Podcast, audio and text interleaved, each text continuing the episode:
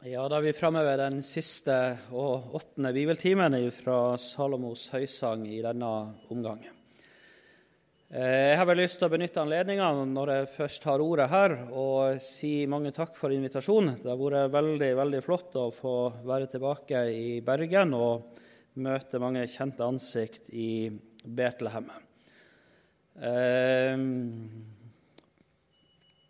og så har jeg lyst til å si det at Er det noen som eh, har lyst og kjenner på at man trenger sammenhengende bibelundervisning, så er det masse muligheter lokalt.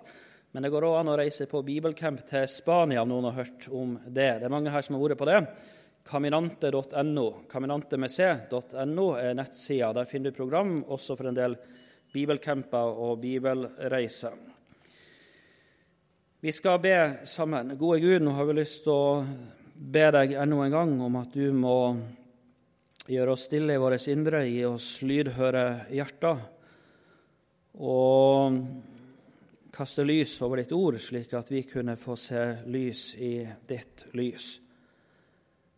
Det har vi lyst til å be deg om, Herre. Vi ber også om at du kunne velsigne gavene som kom inn. Velsigne hver glad giver, og vi ber om velsignelse over arbeidet som drives lokalt, også her i Betlehem og i Bergen. Herre, om mennesker kunne få se deg og bli glad i deg. Hjelp de som er dine, til å peke på deg i liv og, og ord. Det ber vi deg om. Vi trenger det alle sammen. Amen. Tilbake til høysangen. Eh, og vi skal inn denne timen i det sjette kapitlet. Nå er det avsnitt vi ikke kommer oss innom, men jeg hadde lyst til å ta fram bare litt fra det sjette kapitlet i denne siste timen. Eh, Overskriften over timen er henta fra det siste verset i kapittel 6. Der står det 'en dans som i Mahanaim'. En dans som i Mahanaim. Men vi skal begynne litt i den første delen av eh, kapittel 6. Der møter vi altså brud og brudgom igjen. Der møtes de for første gang etter at han sto og banka på hennes dør og ville inn for å fylle henne, for å gi henne. Og hun lå der i all sin kaldhet og stengte han ute og løfta fram sine mange simple unnskyldninger. Og så var det ei som kom til seg sjøl. Ved synet av hans hånd så var det noe som ble rørt i hennes hjerte. Og Så reiste hun seg, og så gikk hun for å åpne døra, og så var han ikke der. Og så har vi fulgt henne litt på leiting etter sin elskede. Jeg sa det, det må ha vært noe av den mørkeste, den såreste tida i hele hennes liv. Hvordan ville hun bli tatt imot? Hun var klinkende klar over det som hadde skjedd i livet.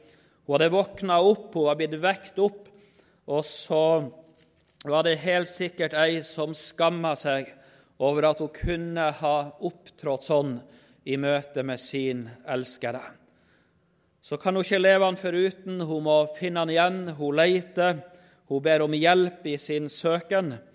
Det skal du også legge merke til. Bruden hun bar ikke på den smerten alene, men hun satte ord på den i møte med andre og ba om hjelp til å finne tilbake til samfunnet med, med han.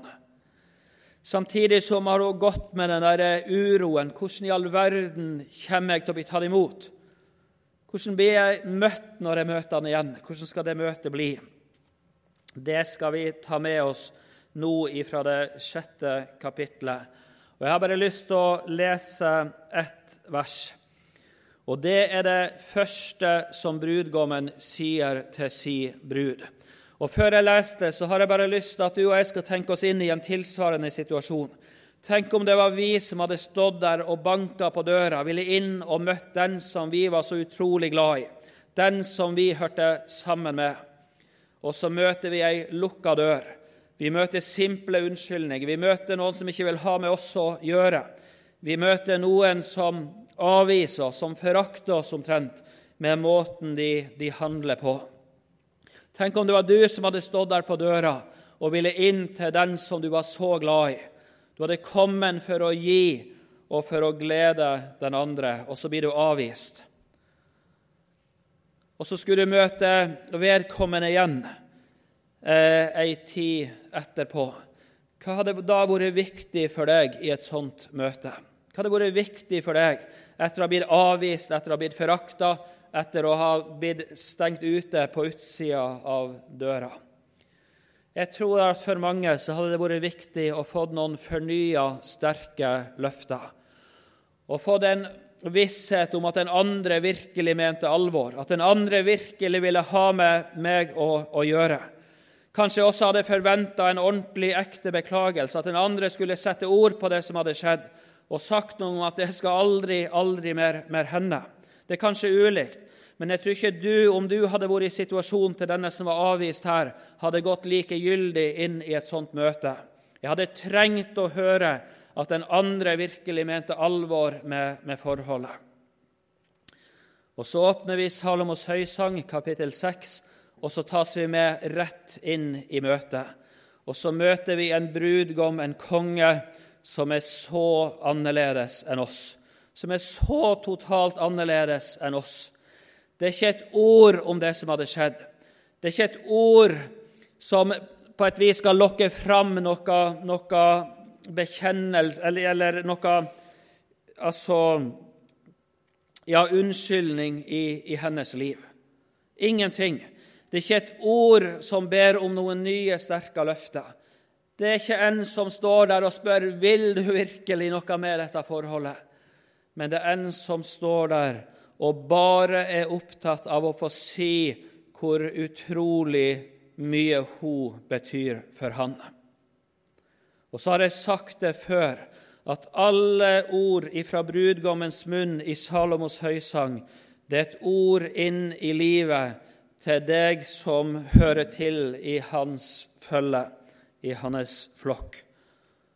Og så har jeg bare lyst til å stanse ved den første setninga i vers 4. Der tar han ordet, og så sier han, 'Du er fager'. Han møter henne igjen, og så sier han, 'Du er fager som Tisha, min kjæreste'. Igjen min kjæreste. Han sier ikke 'min ekskjæreste', min forhenværende flamme, men han sier det 'min kjæreste', etter at hun har vært så simpel med han. Du er fager som Tisha, min kjæreste.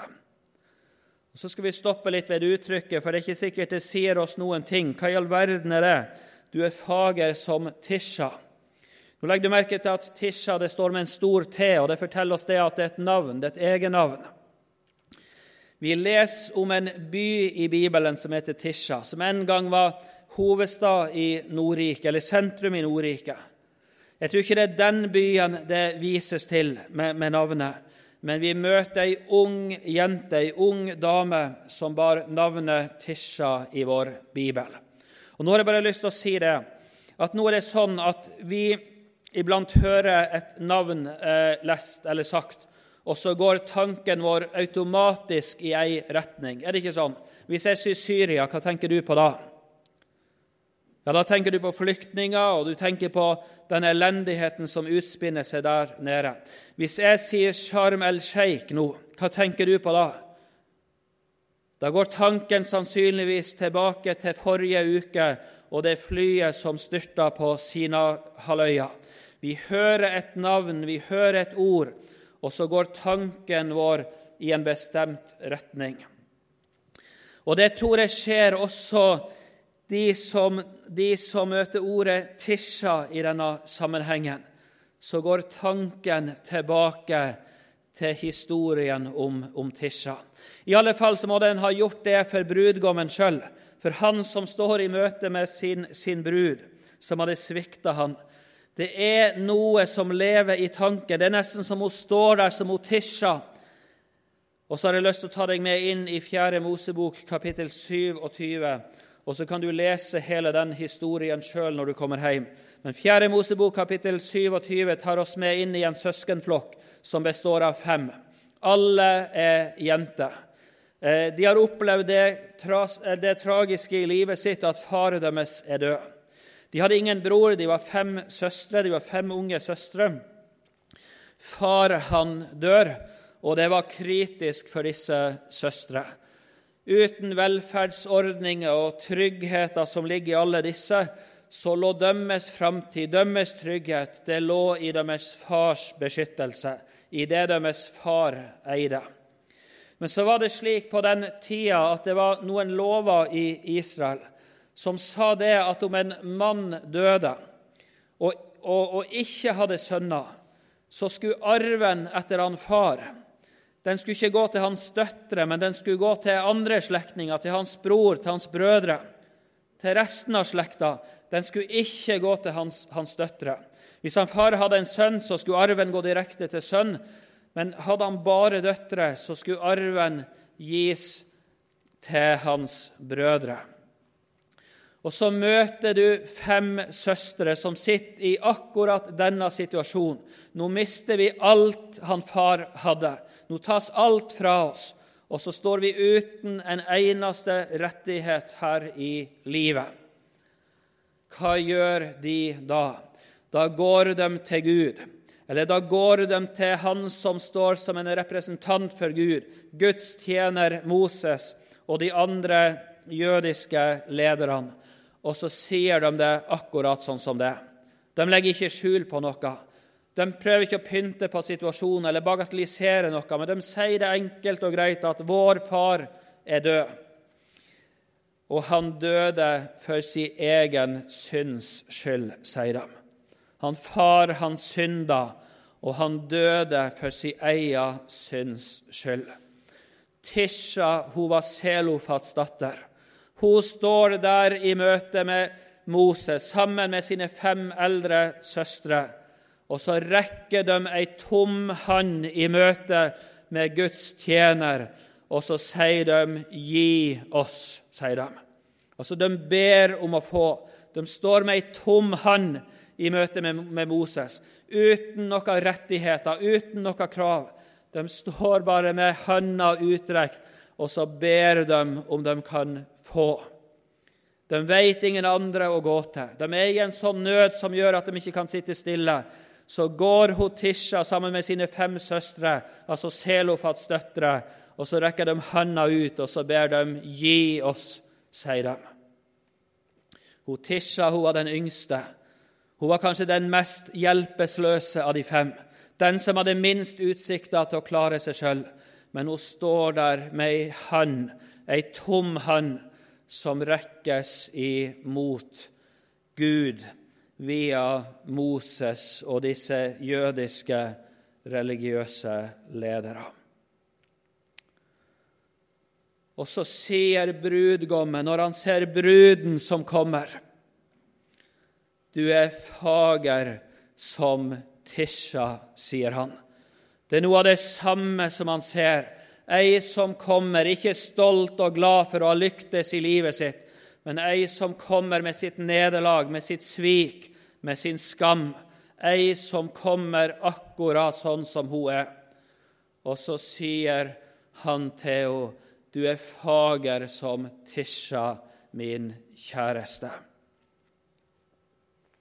Vi vil så lett fylle våre hender når vi går Jesus i møte.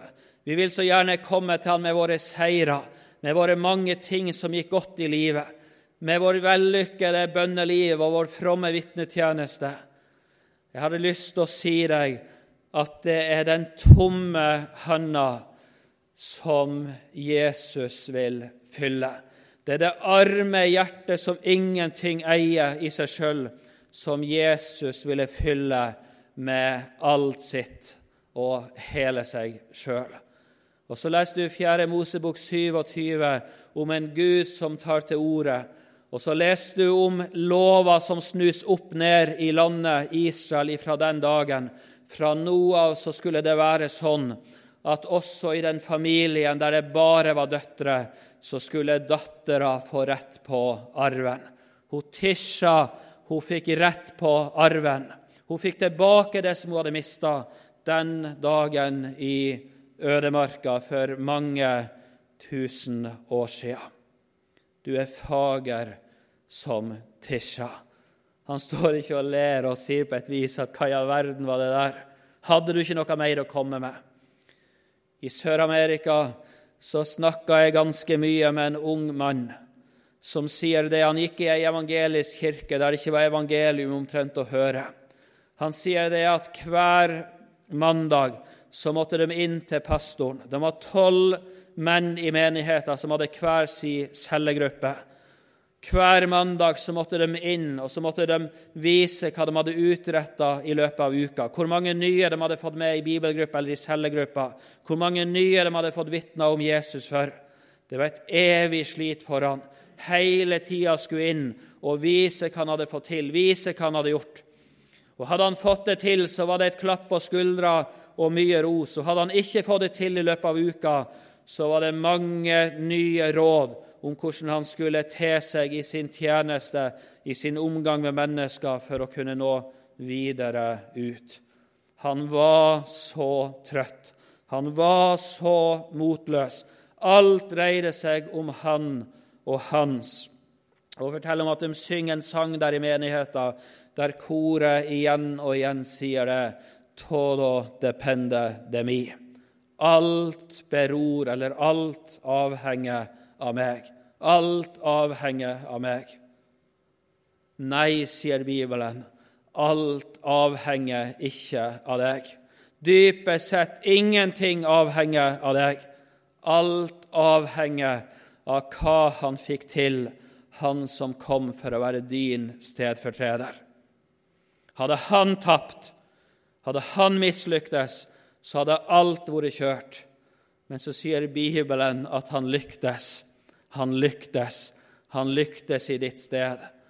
Og så skal du få eie alt det som han gjorde, som om det var du sjøl som hadde gjort det. Han vil fylle den tomme handa. Du er fager som Tisha, min kjæreste. Det finnes ingen i denne verden som møter et menneske det har gått galt for, på en sånn måte og med et slikt hjerte som Jesus gjør. Det kan gjøres mye godt også i møte med de det har gått galt for, men det finnes ingen som Jesus. Det finnes ingen som han. Ingen med en sånn tålmodighet, ingen med en sånn omsorg for deg som Jesus sjøl. Du er fager som Tisha, min kjæreste. Og så skal jeg hoppe rett til det siste verset her i Høysangen kapittel 6. Og så skal vi ta med oss det som, eh, det som står. Der er det de som står rundt uh, Sulamitt. Altså Her har Sulamitt og Salomo møttes igjen. De har møttes for første gang. Hun gikk ned der hvor han vokta jorden. Det er noen som har stått der og blitt vitne til det møtet. Og så står de der, og så er det som om de ikke kan tro det som har skjedd. At de kan fatte og begripe at Sulamitt er tatt imot på et slikt vis. Sånn historisk sett Salomo han kunne kasta henne bort.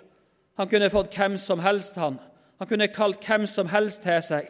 Han kunne levd sitt liv med, med, med, med en helt annen. Han kunne skjøvet henne ifra seg. Skal det være sånn, så får det være det samme. Men Salomo han gjør ikke det. Og så leste vi første kvelden om Han som stiger inn i ditt og mitt liv og lover oss evig troskap. Ikke lov oss troskap bare til vi svikter, til vi faller, men Han som lover oss evig, evig troskap. Han som sier det at vi skal få bo i trygghet. Vi skal ikke leve der på prøve og se hvorvidt vi duger eller ikke, om vi blir kasta ut eller om vi får være med videre i Hans følge men han vil la sine bo i, i trygghet. Og så er den som har tatt imot den sviktende, den fallende, den feilende sulamitt. Og så er det noen som står der og, og knapt begriper hva som har skjedd. Og så spør de hun i vers 13.: Vend om, vend om, sulamitt. Vend om, vend om, så vi får se deg, sier de. Og så svarer hun, Hvorfor vil dere se på Sulamitt? Hvorfor vil dere se på meg? Hvorfor vil dere se på meg? Det er nesten som hun sier at det er han dere må se på. Det er han som er god. Det er han som er verd å feste blikket på. Det er han dere må bli opptatt av. Og Så blar vi oss ut i det tredje, kapittel, det tredje kapittelet i Salomos høysang. Og der står det at du skal se på Han. Gå ut, dere Sions døtre, og se på kong Salomo, med den krone hans mor har kronet ham med på hans bryllupsdag, på hans hjertegledesdag. Gå ut, Sions døtre. Dere må gå ut, og så må dere se på han. Se på han. Se på kong Salomo med den krone som hans mor har krona han med på hans bryllupsdag. Der tegnes bryllupsdagen. Der tegnes bryllupsdagen. Og så er det én ting det pekes på. Det pekes ikke først og fremst på bruden, men det pekes på brudgommen. Se på kong Salomo. Se han på hans hjertegledes dag, står det. Det er et, det er et vidunderlig ord. Se han på hans hjertegledes dag. Det er bryllupsdagen kommen, da han får omfavne si kjære, kjære brud. Bibelen sier det at vi er på vei mot bryllup, vi er på vei mot lammets bryllup. Salig er den som er innbudt til lammets bryllupsmåltid, sier åpenbaringsboka. Du er innbudt til bryllup i himmelen, sier sangen. Det er du som skal være hans brud. Hva er himmelen for deg? Hva tenker du på aller mest når du tenker på himmelen? Ja, Det er lett å tenke på alle de ytre tingene. Det er lett å tenke på at omstendighetene er totalt annerledes. Alt er nytt. Sorg er borte, skrik er borte, pine er borte, død er borte. Ingen tårer skal være der. Alt er borte, alt er nytt. Og så går det an å tenke du verden du verden om jeg når fram. For en glede det skal bli. Hvor godt det skal bli. For en glede det skal bli.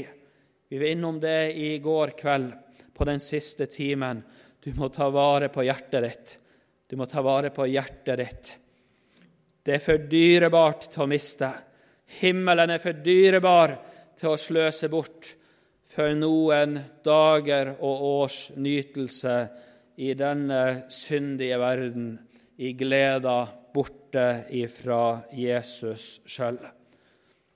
Det er evig glede i himmelen. Det er en evig glede. Men jeg har lyst til å be deg allikevel om å legge merke til hvordan Bibelen taler om himmelen i Matteus 25, der hvor disse tres fram, disse forvalterne. Han ene hadde fått eh, så og så mange talenter, han andre så og så mange, og så kalles de fram til til regnskap. Og så står det f.eks. i Matteus 25, vers 21. Det er et bilde på dommen. Du møter tre lignelser i Matteus 25 som er et bilde på dommen, den siste dom. Og Så står det her i vers 21.: Hans Herre sa til ham:" Vel gjort, du gode og tro tjener. Du har vært tro over lite. Jeg vil sette deg over meget. Gå inn til Hva står det? står det 'gå inn til festen, gå inn til gleden, gå inn i himmelen'. Hva står det? Gå inn til Står det ikke noe? Gå inn til din Herres glede, står det. Gå inn til din Herres glede. Og igjen i møte med neste så står det det i vers 23. Du har vært tro over lite, jeg vil sette deg over meget. Gå inn til din Herres glede. Gå inn til Jesu glede. Himmelen løftes fram som Jesu glede. En ting er at du skal få glede deg, men Bibelen løfter fram hans glede. Se på Salomo. Se på Salomo, sier Høysangen 3 på hans hjertegledes dag. Han som har gitt så mye for deg, han som har kjempa sånn for å holde fast på deg gjennom livet. Tenk hvor glad han skal være når målet er nådd, når ingen fristelse er der, når ingen mulighet til å falle fra er der, og han skal få være sammen med deg for evig. Og så er det himmelen. Det er først og fremst Jesus, det, å få se Hans ansikt. Gå inn til din Herres glede. Gå inn til din Herres glede. Se på Han. Og så er det nesten som Sulamitt sier det når de roper 'Vend om, vend om', vend om, Sulamitt, så vi får se deg. Hvorfor vil dere se på Sulamitt, sier hun. Det er nesten som hun sier dere må se på Han. Det er Han dere må bli opptatt av. Men så sies det allikevel noe. Det sies noe. De sier det, de som står der som vitner og har sett det som har skjedd. De sier en dans som i Mahanaim en dans som i Mahanaim. Og så møter du et nytt ord. Et nytt ord som er skrevet med en stor bokstav, og som lærer oss det at det er et, det et, det er et navn. Mahanaim, det var et sted. Det var et sted der det ble dansa på en sånn måte at det ble levende i historien til det jødiske folk. Aldri kanskje hadde det vært dansa på en sånn måte Eh, bortsett fra ved, kanskje ved utgangen av Det røde hav. Men de står og ser på noe, og så går bildet tilbake til historien de kjenner fra Mahanaim. De kommer til å tenke på det som skjedde i Mahanaim når de står og ser på bruden og brudgommen som, som møtes igjen. Hva skjedde der? Da må du tilbake til første Mosebok, og så må du inn i eh, historien om eh, Jakob. Og vi skal ta og lese litt grann, bare fra eh, kapittel 32, vers 1. Jakob dro da sin vei videre, og Guds engler møtte ham. Og Jakob sa da han så dem, 'Dette er Guds leir', og han kalte stedet Mahanaim. Han kalte stedet Mahanaim. Jakob var på flukt. Husker du han som bar navnet Jakob, som betyr 'den som er full av svik', altså den svikefulle, den som er full av svik? Han hadde stjålet til seg velsignelsen, han hadde stjålet til seg førstefødselsretten. Han hadde levd et liv som gjorde at bror hans ropte det ut. Er det ikke med rette at han har fått navnet Jakob? Er det ikke med rette han heter 'den som er full av svik'? Og du leser om en Esau som fatter en beslutning i sitt hjerte etter å ha blitt sveket av sin bror. Når sørgedagene var til ende, da skulle han drepe Jakob. Og Så får Jakob nyss i det, og så er det ei mor som hvisker noe inn i hans øre, og så flykter Jakob bort ifra oppgjøret med bror sin. I over 20 år så er Jakob på flukt. På flukt ifra Esau, på flukt ifra Gud, på flukt ifra sannheten om seg sjøl. Du møter en Jakob som er på flukt, som bestandig kommer seg unna i over 20 år av livet sitt. Han som bar navnet 'Den som er full av svik'. I kapittel 32 der hører han det som han kanskje hadde frykta hele livet. Han hører at Esau er på vei. Esau han har valgt ut 400 mann. Endelig så er de i nærheten av, av Jakob, og Jakob han hører ryktet. Og så tales det i det 33. kapittelet, i neste kapittel, om møtet mellom Esau og Jakob. Men før det så skildrer det 32. kapittelet en Gud som stiger inn og møter Jakob, kjemper med Jakob natta igjennom, bøyer og bryter ned den stolte Jakob, som gjør at Jakob, som vi nevnte i timen i formiddag, han lå der og gråt og ba om nåde i møte med sin Gud. Det som bibelhistorien ikke skildrer, men det som vi skjønner må ha skjedd, det var at det ikke bare Jakob Gud var på besøk hos den natta men han har også vært innom livet til Esau. Esau som hadde 400 mann som han bar med seg. Nå skulle de, nå skulle de ta han, han, Jakob. kapittel 3 og 30 så står det sånn til å begynne med da Jakob så opp, fikk han øye på Esau som kom, og 400 mann med han. Og så fylles Jakob av frykt. Der er Esau. Nå ser de hverandre. Og så stiller han familien sin opp. Først trellkvinnene og dømmes sønner. Så sine hustruer, altså Rakel og Lea, og dømmes sønner. Og aller bakerst så stiller han altså Josef sammen med, sammen med, med, med Rakel. Og så går han sjøl i møte med Esau og stiller seg foran sin familie, og så bøyer han seg syv ganger til jorda. Litt tidligere så leste vi om en Jakob som sender ut en masse gaver i håp om å blidgjøre sin bror.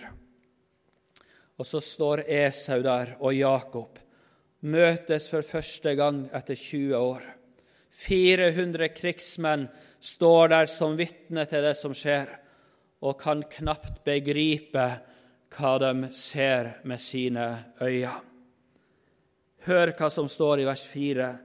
Men Esau løp ham, altså Jakob, men Esau løp ham i møte og omfavnet han. Han falt ham om halsen og kysset ham og de gråt, står det. Jeg tror det sto 400 krigsmenn der og bare venta på et signal, et tegn fra Esau, og så skulle de storme inn og ta livet av Jakob og hele hans hus. Og så gis det ikke noe sånt signal, men de ser sin Herre gå Jakob i møte. De hadde sikkert hørt historien og visste sikkert hva Jakob hadde bedrevet med i sitt liv. Hvordan Jakob hadde svikta og, og foret fram. Og så ser de Esau, som hadde vært så harm, så harm, så harm på Jakob i alle disse årene, går fram og kaster seg om halsen på bror hans, som er så redd for at nå er alt ute, nå er alt slutt. Og så begynner det å danses i Mahanaim. Esau går ifra fra, fra den ene til den andre der i Jakobs flokk, legger armene sine om halsen på dem, kysser dem på nytt og på nytt. Og så er det pur glede, pur jubel. Jakob som tenkte at nå er alt slutt.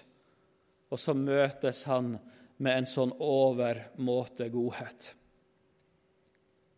Det skjedde mange hundre år før. Og så er vi inne i kapittel 6 i Salomos høysang, der det er noen som står og ser møtet mellom brud og brudgom. Det første møtet etter hennes dypeste fall, kanskje, i livet. Og så ser de noe som gjør at tanken går tilbake til Mahanaim og Jakobs møte med Esau. Du møter en Esau, han har ikke bruk for Jakobs gaver. Og så sier Jakob i vers 10.: Da jeg så ditt ansikt, var det som om jeg så Guds eget ansikt. Så vennlig var du imot meg. Så vennlig var du imot deg. Når jeg så ansiktet ditt, det var som jeg så Guds ansikt. I Mahanaim der ble det oppgjør. Der ble det talt ut mellom Esau og Jakob. Og så ble det en glede, en frihet, en jubel uten sidestykke, en som fikk gå fri videre. Jeg vet ikke om du er på flukt, om du er redd for sannheten skal komme fram om du lever på avstand ifra Han som har gjort så utrolig mye godt for deg, så likegyldig møte med Han, snu ryggen til Han, må bort ifra Han for å glede deg og ha det bra i denne verden. Kanskje sitter du her, du som vet at du lever i strid med Hans vilje. Kanskje sitter du her, du som har innretta livet ditt i strid med hans, hans, vilje. Jeg har lyst til å lese litt fra apostlenes gjerninger, kapittel 19. Apostlenes gjerninger, kapittel 19, der står det slik Der er Paulus eh, sitt virke i Efesus eh, løfta fram. Og så står det sånn i vers 18 og utover mange av dem som har blitt troende, kom og bekjente og fortalte hva de hadde drevet med. Ikke få av dem som hadde drevet med trolldomskunster, bar sammen bøkene sine og brente dem opp for alles øyne. Og de regna ut verdien av dem, og de fant ut at den var 50 000 sølvpenger. Slik hadde Herrens ord stor framgang og fikk makt, står det. Slik hadde Herrens ord stor framgang og fikk makt. Slik står det. Legg merke til det ordet. Streker du i Bibelen, så skal du sette en strek under det ordet 'slik' fikk Herrens ord stor framgang og fikk makt. Ikke ved at mange kom på møtene, ikke ved at lovsangskoret ble fylt av mange, mange nye. Ikke i møte med at de ble så mye bedre naboer i sitt nabolag der de bodde. Ikke at nå ble de så opptatt av å vitne om Jesus. Slik står det. Og så viser det tilbake på disse som ikke lenger kan sitte og gjemme ting i sitt liv som de vet er i strid med Guds ord. De må fram med det, og så må de bekjenne hva de har drevet med. Slik hadde Guds ord framgang. Slik fikk ordet makt over folket. Det var noen som ikke kunne leve lenger med det som de hadde gjort, det som de holdt på med. Og så tennes det et bål, og så bæres det bøker fram på bålet til en verdi av 50 000 sølvpenger. Hvor mye var det? Jeg veit ikke. Jesus han ble solgt for 30 sølvpenger. Det er bøker for 50 000 sølvpenger som bæres fram. Vi kan ikke leve videre med det.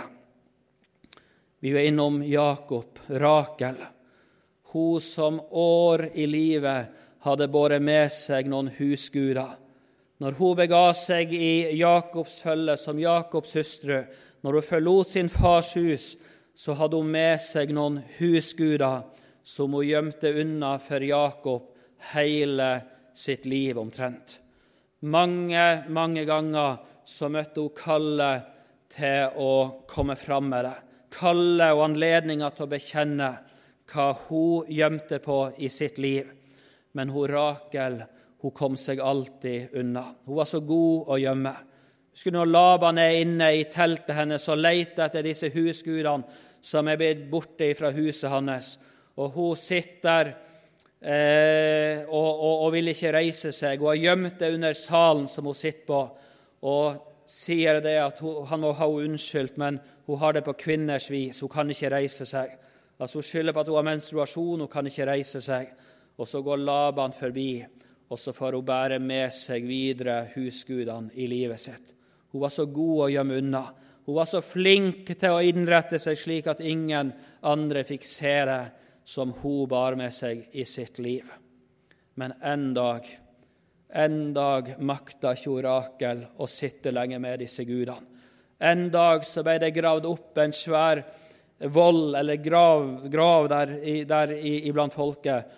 Og så står det at hele folket, alle står det, de kom med sine ting med sølv og gull og alt som de visste var Herren imot, og så la de det ned i grava.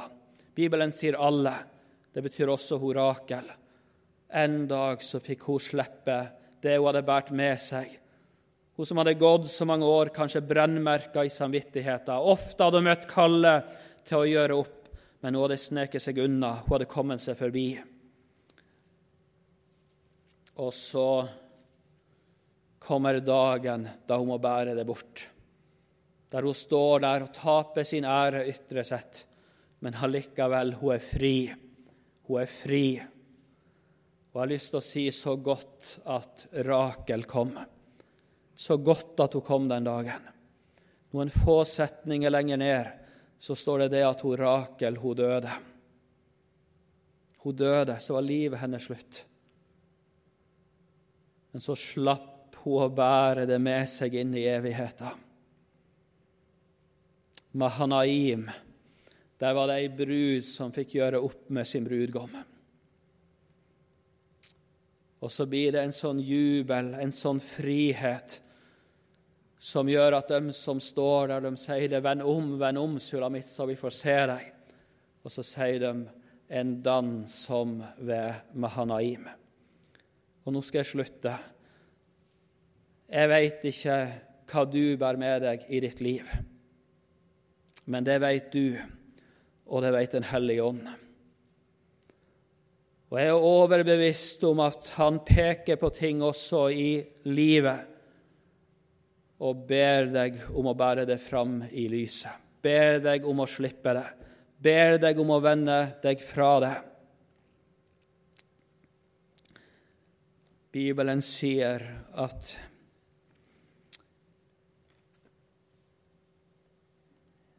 du skal lytte når Den hellige ånd taler. Hør, du som har øre å høre med, hør hva Ånden taler til menigheten. Kanskje er det siste dagen i ditt liv. Kanskje er det siste mulighet du får å snakke ut med Jesus om det som du bærer i din samvittighet. Den dagen skal du bruke, den muligheten skal du bruke. Og så skal du vite at det er en som er så inderlig, inderlig glad i deg, uansett hva du har gjort.